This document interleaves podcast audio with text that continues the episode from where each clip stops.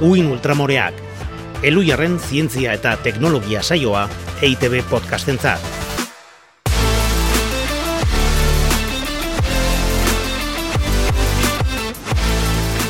Kaixo, Ana Galarragai estaran. Kaixo, alaitzotxoa deribe agirre. Eta kaixo, entzuleok, hemen gatoz, lanerako gogoz, behingoagatik, gai zientifiko teknologikoak uin ultramorez aztertzeko prest. Zu galtza jantzita eta ni ez, baina Zu biok... kulerotan, Ez, jantzita, jantzita, baina kona. gonakin. Hoixe. Baina bintzat biok gatoz gure izen abizenez. Beste garai batzuetan ordea, zientzia egin nahi izan duten emakumeek galtza jantzi eta izena eta izana eskutatu behar izan dute gizonek beraientzat hartutako munduan sartu ahal izateko. Ba, bai, eta gaur egun ere ez pentsa, emakume izenez sinatutako artikulu zientifikoek aipamen gutxiago jasotzen dituzte, eta horrek zientzian daukan garrantziarekin, eh? Aipamenan ja, aipamenak jasotzea. Eta kurrikulum berak arrakasta txikiagoa du emakume izena badarama, pentsatuko duzu, ez, ba, bai, Bai. ikertuta dago, kuantifikatuta, eta... E, Esperimentu hau egin dain bakoitzean, emaitza beti berbera izan da. Hori da. Eta zer jantzi ere, ez da hain erabaki librea, eh? Kongresu batzuetan, emakumeen jazkera goitik bera araututa baitago, eta gizonetan, hain araututa ez egoteaz gain, askoz ere errezago barkatzen zaizkie arau hausteak. Hori horrela da, hogeita bat garren mendean, eta ja, erena ere e, gertu daukagu. Bai, eta ez baina nik e, egia esan berba dizut, honek bai harritu nahi, ze uste nuen dreskodaren kontu hoiek, ba, protokolozko ekitalditan bakarrik gertatzen zirela, ez dakit. E, ba, kongresu zientifikoetan ere bai. batzuetan behintzat bai. Eta uka ezina da oraindik ere borroka jarraitzen duela, baina gaur aitortza egin nahi diegu zientzian aurrera egiteko galtza jantzi zituzten aintzindariaiei. Geratu gurekin eta ikusiko duzu eze, senyora ausart eta interesgarriak ezagutuko dituzen. Alegia, senyora, senyorak, ez da? Oida, Gu bezalakoak. honi gai detaile bezalakoak izan, behintzat, bai, bai, ari gara gerturatzen, ari gara. Bueno, aurretik, albisteak. Albizpeak,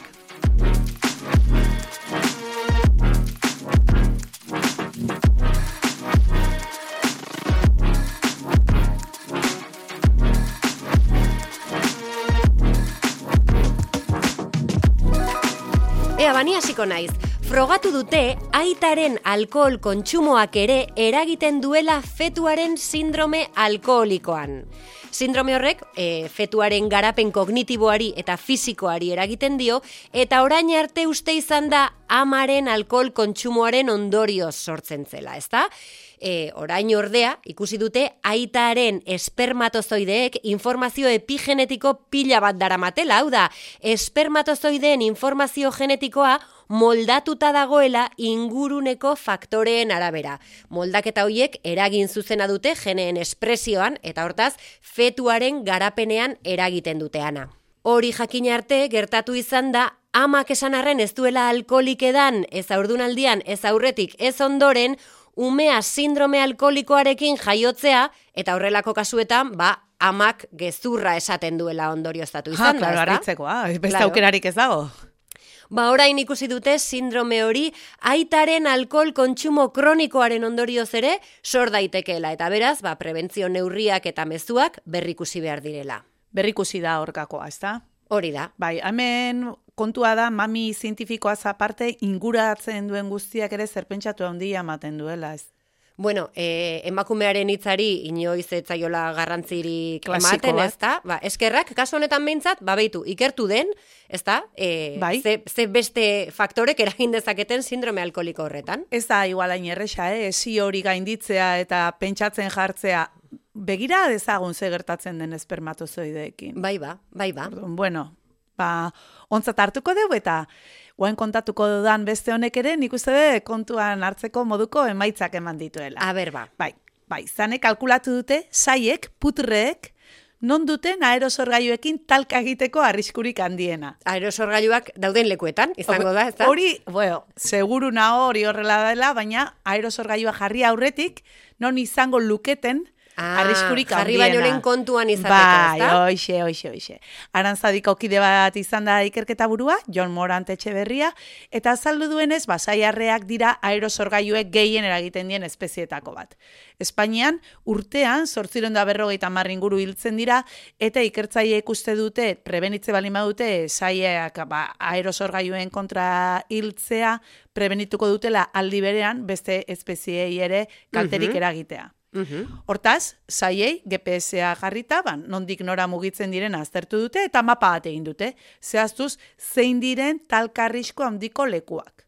Orduan, ba, bueno, ba, oso ikerketa baliotsua da berez, aintzat hartu nahi badute, ba, nun jarri eta erabakitzeko, hortxe daukate mapa. Ba, oso interesgarria, ezta? E, Bai. baliagarria izan da dila, orain falta da da. mapari kas- Urreko pausoa falta da, baina kasu mapa egina egitea, dago, Hori bai. da, hori da.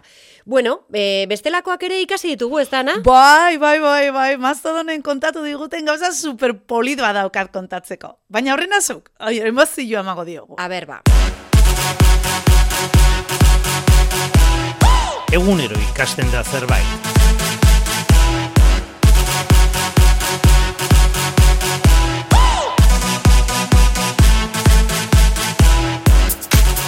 Venga, baurrenanik. Azken aldi honetan asko ari gara hitz egiten. Bueno, asko, zerbait. A ber, ez dut esan zertaz. Ez esan, ezin dizut esan. Zer den gidoi bat aurrean edukitzea, eh? Bai, ai, amiga, amiga. ai, ai. Zertaz ari gera hitz egiten, eh, bueno, aspaldian baino gehiago, eta anaren ustez oraindik nahikoa, ez? Hori, ez? zaintzari buruz. Eta Yeah. egia esan, ba, bazen gara jauziari daukan dimentsio emateko. Baina pentsa, zenbaterainokoa den funtsezkoa eta oinarrizkoa, ja atapuerkako gure arbasoek ere zaintzen zituztela beharra zeukaten kideak. Hau zuk bazenekien, ez da? Claro. Ah, amiga. Bueno, horren evidentzia da, Benjamina deitu dioten gizakiaren buru ezurra. Benjamina, homo heidelbergensis bat zen, duela bosteun eta hogeita amar mila urte bizi izan zen, eta buru ezurra deformatuta zeukan. Eta oso nabarmena da, gutxiegitasun fisiko eta motor larriak izango zituela. Ez da, ba, bere garezurrari erreparatuta. Eta hala ere, amar urte inguru izan arte bizi izan zen. Alegia, kideek zaindu egin zuten. Naizta, ba, espeziaren biziraupenaren ikuspegitik, bere bizitzak ez zeukan zentzu handirik, ezta? Bueno, bizi, espeziaren ikuspegitik eta tribuaren ikuspegitik ere, ba, e, karga bat zen, ezta? Zeiru itze zaizuana. Ba, ni zen nahi dezu esatia laitz. Ni badakizu fan sutsua naizelako bazulotan bizi ziren, oien hauek Heidelbergensis hauek ziren neandertalen arbaso zuzenak. Ba, beitu. Orduan, baina barritzen. Ja, barritzen, bai. elkar zaintzen zutela, ezta? Hori da, hori da, hori da.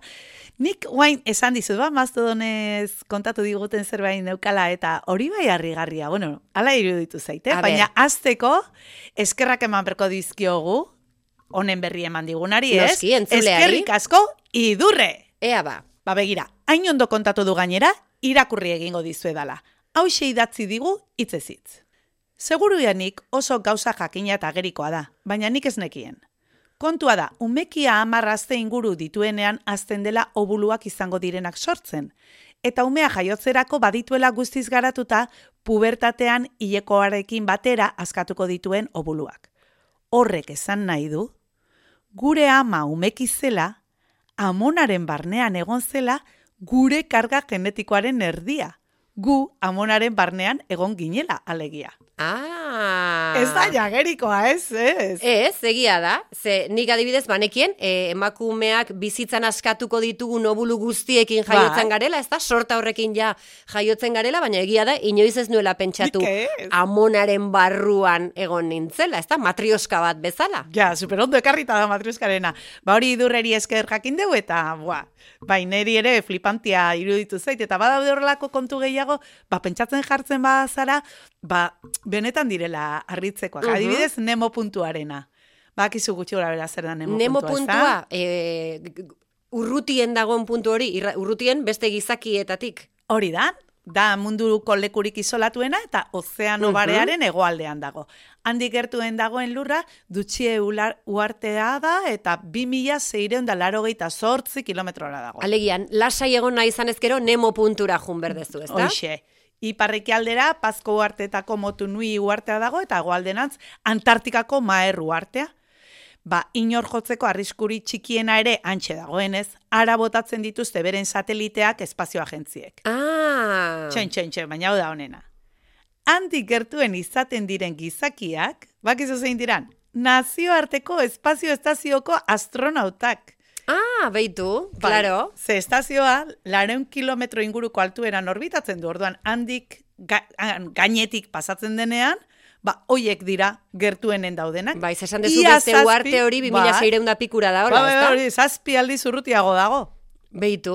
Orduan, ba. Orduan, baina e, o, Nemo puntu horretara botatzen dira, sateliteak eta bar, ez, ez naita nahi ez, e, espazio zeatikan, espazio estaziotik botatzen duten zaborra ez da horrea botatzen dutena, ez da? Ez, ez, ez, ez. Sateliteaen orbita kalkulatzen dute, ba, ja bukatu dutenian beren lana, han erori daitezen, ba, o, inori ez jotzeko buru gainean.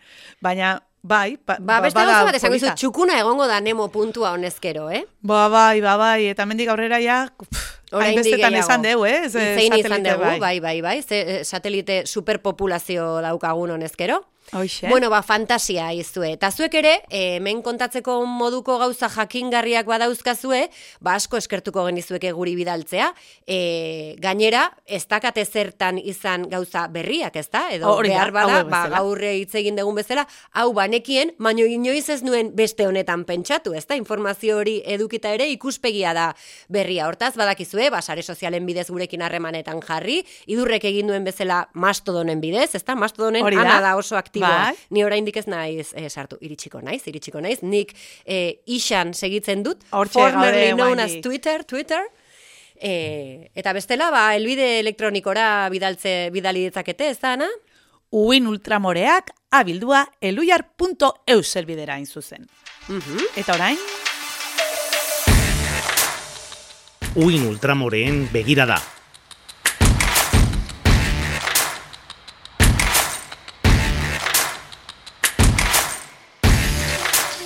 Ba orain, aurreratu dugun bezala, zientzia munduan sartzeko galtzak eta bigotea jantzi behar izan duten senyora pare bat aurkeztuko dizkizuegu. Bueno, bigotea jantzi edo bigotea ezkendu. hori, hori, hori. Ondo, ondo. Ba, txalo zaparrada batekin arditzagun, Jean Baret eta Sophie Germain. Bueno, biak alabiak, Frantzian jaio ziren, e, gauza politenak bezala. Ala nola, irurogeita sortziko maiatza, gazta edo gilotina. Bata munduari itzulia ematen lehen emakumea bihurtu zen, eta bestea bere garaiko matematikari onenetako bat izatera iritsi zen. Eta nonbaitetik hasteko, ba, Jean Baret, Sophie Germain baino hogeita masai urte lehenago jaio zenez, mila zazpireun eta berrogeian hain justu, ba, arekin hasiko gara. Imaginatu, munduari bira emango dion lehen Frantziar espedizioa antolatu dute eta lehen aldiz naturalista bat hartuko dute ontzian. Naturalista horrek laguntzai badauka, Jean izeneko mutil gaztetxo bat. Horreaino dana normal ez da? Bai, morroi bat, ez da? Horrela kontatuta normala dirudi, baina badago zerbait arraroa. Izan ere, naturalista eta jan, portu desberdinetan ontziratzen dira, eta hasieran itxura egiten dute ez dutela elkar ezagutzen. Baina jarraitu aurrera. Naturalistak eta bere laguntzaileak lan agindia egiten dute landareak biltzen, identifikatzen eta sailkatzen. Bestelako espeziak ere biltzen dituzte, maskorrak, intsektuak, baina bereziki botanikara dedikatu ziren eta batez ere bere tarduratzen zen landareak biltzeaz. Buganbila deskubritu, deskribatu, eta jaso zen bakizu buganbila zein dan, ez? Bai, ba, hori, horreaino bai, horreaino bai. Kolore oso- more, kolore hoi Kolore moreko, eta bai, bai, oso polita. Eta, bueno, oie, oi hori bildu eta deskubritu ondoren, bat taitira iritsi ziren alako batean. Eta han zer gertatuko? Ba bertako biztanleek oiuka hartu zutela Jan Baret, e, ustezko mutiko hau. Emakume bat da! Emakume bat, emakume bat da!" Emakume bat! Ordurako espedizioko beste kideek ere bazuten susmoren bate. Normala, nonbait itxura femeninoa izateaz aparte, bakizu bizarri gabe, gorputzekera txikila, baetzen besteen aurrean biluzten eta kaka eta pixa ere ezkutuan egiten zituen. Auskalo, nola molatzen zen hilekoa zuenean. Claro, alegia, zibilizatua zen, ezta? Ez zuen kakadanan aurrian iten, eta pentsatu zuten, oh, ba, emakumea izango da, emakumea izango da. Bestalde, ordea, indartsua eta ausarta zen, orduan. Hori, bueno, Claro, hori zuen emakume ezin da izan, ezin da Bai, izan. bai, ezaugarri horiek gizonenak dira. Claro. Kontua da garai haietan emakumeek debekatuta zutela itsasontzietan sartzea eta kartzela zigortzen zen gainera. Baina baretain zen ona lanean. Utzi egin ziotela jarraiztu zezanan eta alaxez egiten zuen botanikari lanetan galtza jantzita. Abentura eta urte desente pasata, Parisera itzuli zen eta horrela bilakatu zen munduari bira eman zion lehen emakumea. Tomaia, bide batez, hogeita mar kaxatik gora ekarri zituen eta haietan bos mila landare espezie inguru mundu osoan bilduak. Haietatik, o, iru mila espezie berriak ziren, berriak Europarrentzat Hori da, ulertzen da, ezta? Bai. Eta asko, Parisko Historia Naturalaren museoan daude orain. aitortza ofiziala ez ezik, pentsio bat ere eman zioten. Beraz, historioa nahiko ondo bukatu dela esan dezakegu. Mhm. Baina nola bukatu zen beste protagonistaren historioa? Sophie Germanena? Ah. ba ez dugu spoilerrik egingo, hasieratik hasiko gara. Aurrera laitz. Ba, beitu, Parisen jarraitzen dugu. Handu Sofi, neska azkarra eta etxe honekoa, liburutegia eta guzti zun etxe hoietako batekoa. Bereziki ona zen matematiketan, baina gurasoei ez zitzaien alabaren zaletasuna bat ere gustatzen, eta Mademoiselle Germanek ezkutuan ikasi behar izaten zuen, ba, etxean zituzten liburuetatik. Hemezortzi urte zituela, eskola politeknikoa ireki zuten Parisen, eta hori leku bikaina izan zatekeen germanentzat, ba, matematika ikasketak egiteko, baina jakina gizonezkoentzat bakarrik zen. Arritzekoa, Sophie kala ere irten bidea topatu zuen. Eskola utzi zuen ikasle baten izena hartu, Monsieur Leblanc, eta haren izenez bidaltzen zituen lanak eskolara. Akademiako irakasletako bat, Joseph Louis Lagrange, Leblancen lan bikainaz jabetu zen eta gazteura ezagutu nahi izan zuen. Germanek orduan ja ezin izan zion bere benetako nortasuna eskutatu. Lagrange, zur eta lur gelditu zen emakume bat zela jakin zuenean, baina zuen gaizki hartu. Are gehiago, Germani matematikaren munduan aurrera egiten lagunduko zion aurrerantzean. Ba, behitu, aitor diezaiogun, ez da? ba, Bueno, pixkanaka eskolako problemetatik benetako ikerketara pasa zen German. Zenbakien teoria interesatu zitzaion eta fermaten azken teoremarekin hasi zen lanean. Hainbat urtez horretan aritu ondoren, zenbakien teorian aditua zen norbaiti bere lana erakusteko beharra zuen, eta honenari idaztea erabaki zuen. Karl Friedrich Gauss alemaniarrari hain zuzen. Baina bada espada ere, ba, Monsieur Leblancen izen erabili zuen berriro ere, ezta? bada espada ere. bai, bai, bai, bai. Gauzek alare ikusi zuen matematikariak sekulako maila zeukala eta teoremak eta formulak trukatzen hasi ziren. Harik eta Napoleonek Alemanian egindako inbazio bat arteko, Germanek bere benetako izaera aitortu behar izan zion. Eta zer erantzungo zuen gauzek? Irakurrizuk, alaitz. Beitu. Hau da gauzen erantzuna, eh? Nola deskribatu nire mirespena eta txundidura, nire Monsieur Leblanc estimatuaren metamorfosia ikustean. Poesia. Zientzia goren honen xarma liluragarria bertan sakonki murgiltzeko adorea duten eizolik agertzen zaie, baina emakume batek sexu horretakoa izateagatik gure ohitura eta aurreiritzien erruz, ikerketa arantzatxu hauetan trebatzeko gizonezkoek baino milioika zaltasun gehiago izanik ere, oztopo horiek gainditu eta alderik ezkutuenetara iristea lortzen duenean, Orduan, inolako zalantzarik ez dago, adorerik nobleena eta talentu paregabea dituela, eta genio handi baten aurrean gaudela. Hombre, oso hitz politak eta itxaropentsuak, baina dana esan du, eh? Genio bat izan beharra daukazu, eta ez dakizen bat oztopo zailtasun eta hoi edanak bide arantzatxu hori danak gainditu beharra Mhm. daukazu, eta erakutsi zenbateraino zaren ona, ba, horrelako jendiak gauz bezalako hoiek aintzat hartu zaitzaten. Gizonezko bat eh, horren laurdenaren laurdenaren lasai laurdena izan da ere, bai. vamos, ez da gainolako problemi, baina bueno, Bintzat gauz hortan portatu zen. Eta horri esker, ba, Germanek lanean jarraitu zuen, sariak eta aitortza jaso zituen, akademian sartzea lortu zuen, lehen akademika Bai, ez da gutxi, ez da gutxi. Baina, Baina, zer? baina, Ba, lanean jarraitu zuen, mila sortzireun eta hogeita maikan, bularreko minbiziak jota hiltzen arte. Eta ze jarri zioten eriotzagirian, eskelan? Matematikari? Zientzialari? Ez, gantier, errentaduna. Ba ez dakit mendekoa eskatzea politikoki zuzena ote den, saio hau ere ez den Ez da, e- e- ez du behar, ez du behar. Hori da, ba orduan, Sofi, jakintza zula, gu zurekin gaudela. Zu mendekatzeko prest gaude, ezta? Eta e, bai, Frantzian asmatu zenuten gilotina hori ere, nik uste eh, azpiera erabili, bai. bai, bai, bai. Hau txartzen egongo da honezkero. Pixka zorroztuta. Bai, bai, aterako dugu pasiatzera. Hori, hori. Eta horrekin jungo gea azken atalera, ez? Hori da. Goazen? Egia, gezurra, ala ez dago nahikoa evidentzia.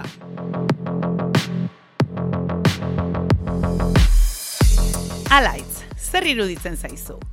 Homo sapiensa Europara iritsi aurretik, kontinente osoa basoz estalita zegoen.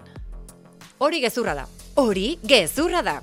Eta asmatu duzu, Ah. txalo zuri. Egia esango dizut osoa, ez dakat ideiarik zertaz estalita zegoen. Bueno, ba, zeuden baso mota desberdinak, baina ba, zeuden baitare belardiak, eta, bueno, ba, biodibertsitate handia zegoen. Eta ez dakiz zergatik, ba, zabalduta dagoen mito hori, ez? Bueno, bai, zergatik, bai, gustatzen zaigulak igual pentsatzea, ez? Idealizatzea, ez da? Bai, eta guk ga- suntsitu dugula dena, eta egia da guk suntsitu Guk dugula gehiena. Baina, e, Bueno, ba, bueno, baina baina horrek ez du esan nahi dana da basoa zenik, ez da? E- eta ez zeukan izan beharrik, gainera. Ez zeukan izan beharrik, hori da.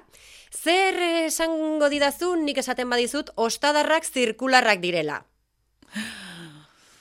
Polita, ba, ez dakit, ni beti ikusi ditut ez, arku erdia, ba, izango da lurra da olako, baina, bai ikusi dut, e, aldi berian, leku batian baino gehiotan azaltzen diala, igual.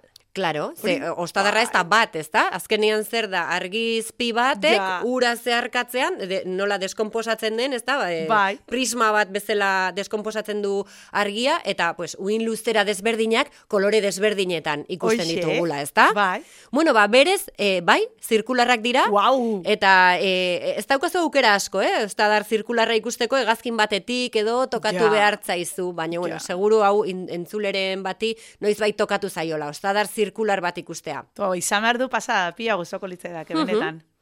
E, urrungoan ekarriko dut, ea ostadarraren azpian baute dagoen, badago beste Irlandako mitologian, ez da? Hemene bai. Hemene bai. Urria, bai, altxorra dao. Zeakin, baina nomo batekin. Eze. Ah. Ja, no, irlanda utziko izkio.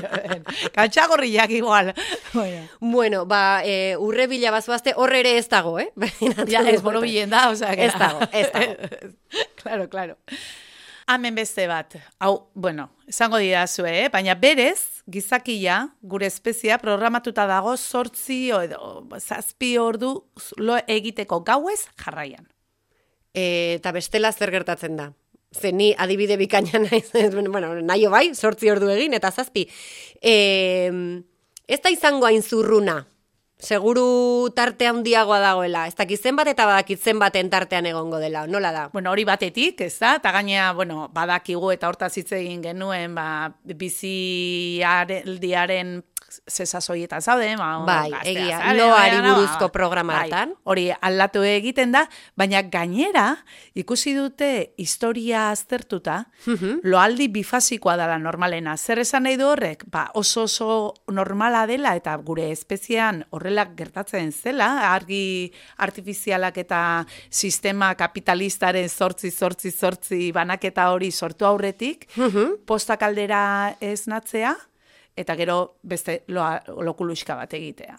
Ah? Eta hori ikusten da, e, ba, e, fraideen eta, bueno, erligio askotako jarraitzaien gaueko partiketatan, nola partitzen dituzten errezuak, adibidez, eta logika guztia dauka gainera, komeri delako tartekan norbait erne egotea zaintzeko Claro, taldea, ez claro, da? egia da, egia Orduan, da. ez. Ez agobiau, ez baituzu hau, ez, ez, zortzi ordu jarraian ez hola egiten. egia bat hola daona urrez mar... Ite bale, maituzu zora garri, ez Ez, badituzu ez. ite, no pasa nada. Gainera, orokorrean esango nuke ez gaudela ezertarako programatuta, ez da? Egokitzen joan gara, ala beharrez, gure Oia, da, bizi bai, bueno, ba, genek eta badarkarte gure espeziaren, ez? Ba, portaerari buruzko zerbait, baina bai, igual ezaugarri nabarmenena da, hain malguak eta moldakorra garela, Mhm.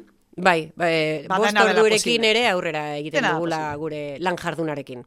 Bueno, Eh... Hori eh, importantísimo, etzi, importantena hortxe, eh? bai, bai. Ana, e, zu zure gustoko gai bat ekarri dut oraingoan, ez dirako bazueletako biztanleak, kirola da. Ah, bueno, bueno, guai, claro, guai, de repente nola. bai, kir, bai, kirolari bihurtu zaren, ezta? Bueno, aizulen hori pila bat Egia, egiten egia eta da. jarraitzen Bai, bai, orain guai, orain Hori, bihurtu hori. zara. Guan Bueno, barruan ere. Ba, jakintzazu ez delako meni ura edatea, ariketa fisiko intensoa egiten ari zaren bitartean, barea jartzen zaizulako. Bestela, ba, hori, ba, hori bai da, gezurra. Gezurra da? Zuri Ba, ba, bueno, barea jartzen, zuk? Ni, nik ala esaten. Sasoi, dizut. sasoian zaude. Ai, Bueno, ba, bai, egia da, gezurra da, gezurra da, asmatu dezu. E, bestela ere jarriko zaizu, barea, berdin, berdin. Nik enekien zertzen barea, lagun bate kontatu dit, e, diafragman da, mina, guk baria ditzaio, baino, diafragman, e, sortze zaizu mina ez da, hango diafragma nervioak... da, ba, kizue, ba, hori, eh, ba, moitzen dituna, ba, birika zabaltzeakoan, eta lekua uzten da. eta kontrolatzen duen arnasketa, ez da. Mhm. Ba, oxigeno faltaren gatik, besteak beste, hango nervioak gehiegi estimulatzen dira, eta horrek ematen digu mina, ez dauka zerrikusirik ura edatearekin. Ariketan bitar, egiten ari zaren bitartean gertatzen zaizu. Ba, hoixe, Bai, ean ura, eh, mesedez, oza, Bai. okerragoa da, deshidratatzea. okerragoa da esirratatzea, bueno. Eta ba- mina, bale magazu ez egin. Gelditu, jazta. Bai, gelditu gaitezke, atxeden hartu dezakegu, Bai, bai, mesedez, egu plazera mila, beti. Hori da. Bueno, ba, hemen utziko dugu, ya ez zezu gimnasiora jun behar duzu. Ai, ez, ez, ez, olako presan. Bueno, ba, eskerrik asko, e, beti bezala egoitzetxe bestea Eskerrik asko, durizi, Egoitz. gure teknikari, editoreari, eta eskerrik asko Entzule. guztioi, bai, hemen egoteagatik beste atal batean Eta gurekin. bidaltzagati, guri gaina horrela informazio interesgarria hemen partekatzeko, Bai, noski. eta eskerrik asko aldez aurretik, urrengo atalerako edukiak bidaliko dizkiguzuen nahi, ez da? Bai, eta lagunei komentatzen diezuena gainera, entzun zazue, uin ultramorea, kriston ondo dao. Bai, claro, arrazoia daukazue gainera. Claro, claro. bueno, ba, hemen utziko dugu, urrengo atalera arte. Urrengo artea, jo.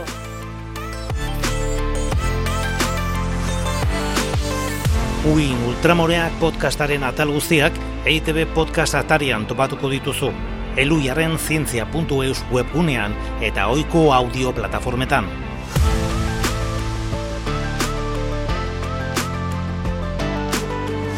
Uin Ultramoreak